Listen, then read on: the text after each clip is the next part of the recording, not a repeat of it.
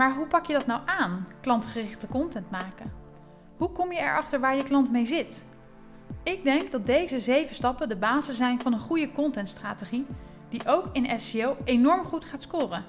En daarmee bedoel ik niet qua rankings. Hoi en wat leuk dat je luistert naar mijn podcast. Ik ben Chantal en al sinds 2010 bezig met SEO. Ik doe SEO heel anders dan de meeste mensen. Ik denk namelijk niet dat je per se hoger moet willen ranken of op nummer 1 moet willen staan. Tijden zijn veranderd en dus is het tijd voor een ander geluid. In mijn podcast vertel ik je hier meer over. In deze zevende podcast gaan we het hebben over het geheim van goede content. Want wat is goede content en hoe maak je dat? Veel mensen in de SEO-industrie vinden dat content begint met keywordonderzoek. Zij starten dan ook met keywordonderzoek als ze aan de slag gaan met content. En hoewel ik dat zeker snap, vind ik het altijd wat tricky.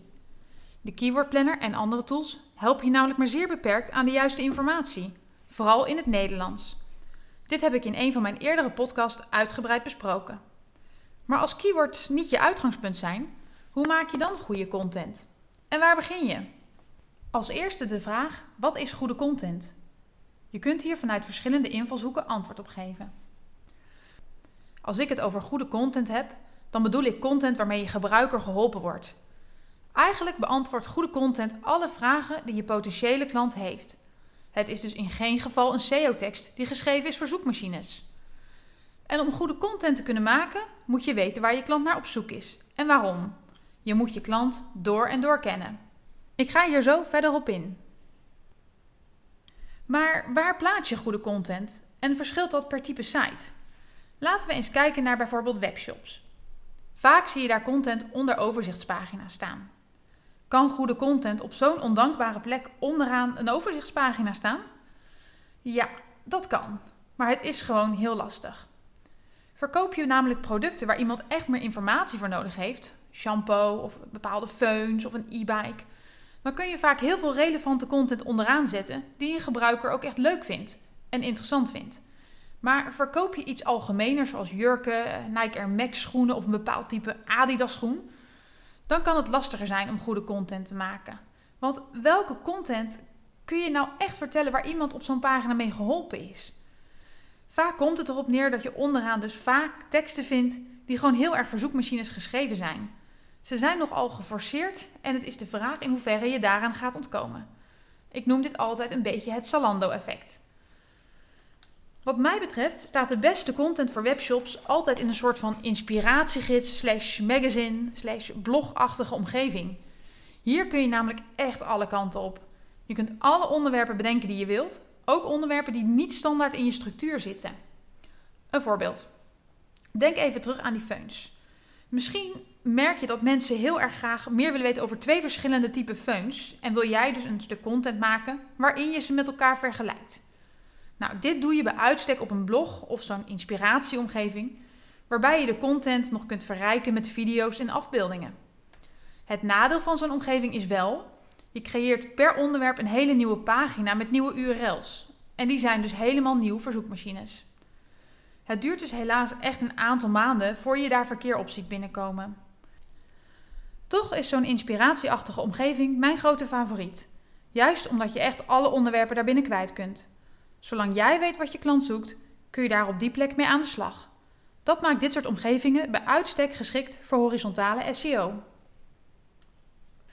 Wat je soms nog wel eens ziet, zijn pagina's met alleen maar content en heel weinig conversiemogelijkheden. Bedenk dat Google onderscheid maakt tussen informatieve zoekopdrachten en conversiegerichte zoekopdrachten. Het kan dus goed zijn dat een contentpagina nooit heel goed vertoond zal worden op een transactionele zoekterm, zoals e-bike kopen of laptop kopen. Uit zo'n zoekterm blijkt namelijk een koopintentie en dus is de kans groot dat de klant een overzicht wilt zien. Het valt dan ook te verwachten dat Google dit weet en hier rekening mee zal houden. Maar wat als je geen webshop hebt, maar diensten levert? Waar plaats je dan goede content? Ik denk dat dit vaak wat eenvoudiger is. Je kunt vaak heel veel over je diensten vertellen en dus prima content toevoegen aan reeds bestaande pagina's of nieuwe pagina's toevoegen binnen je sitestructuur. Ik zal dit wat verder toelichten. Stel, je bent een relatietherapeut en je helpt stelletjes met veel voorkomende problemen. Waarschijnlijk heb je dan al standaard een pagina gemaakt over relatietherapie. Maar daar zijn nog meer kansen om organisch verkeer aan te trekken. Want hiërarchisch gezien kun je daar pagina's onder hangen met telkens een veel voorkomend probleem en tips wat je daaraan kunt doen.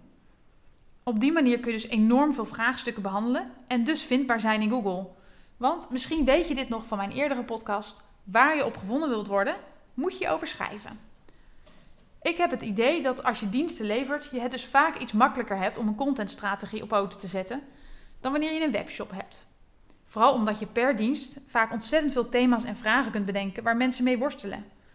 En elk onderwerp is dan weer een startpunt voor een hele rits aan content. Maar wat is dan relevant content?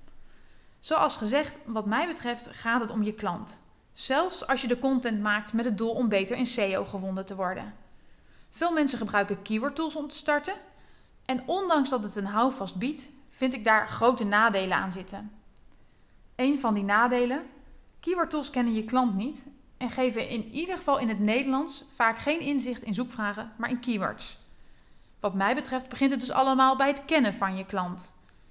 Door niet met keywordonderzoek te starten, maar met een open blik naar je klant te kijken, kun je voorkomen dat je je laat beperken en leiden door wat je uit zo'n tool haalt.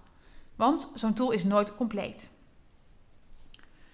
Wil je wel graag zeker weten dat je geen trefwoord mist, dan kun je achteraf nog altijd de keyword tools raadplegen en checken of je alle termen waar zij mee komen hebt meegenomen. Maar hoe pak je dat nou aan, klantgerichte content maken? Hoe kom je erachter waar je klant mee zit? Ik denk dat deze zeven stappen die ik nu ga benoemen de basis zijn van een goede contentstrategie, die ook in SEO enorm goed gaat scoren. En daarmee bedoel ik niet qua rankings, maar qua SEO-verkeer. Want bij rankings kijk je weer naar één keyword en het gaat juist om zoekvragen. Ik ga ze alle zeven bespreken.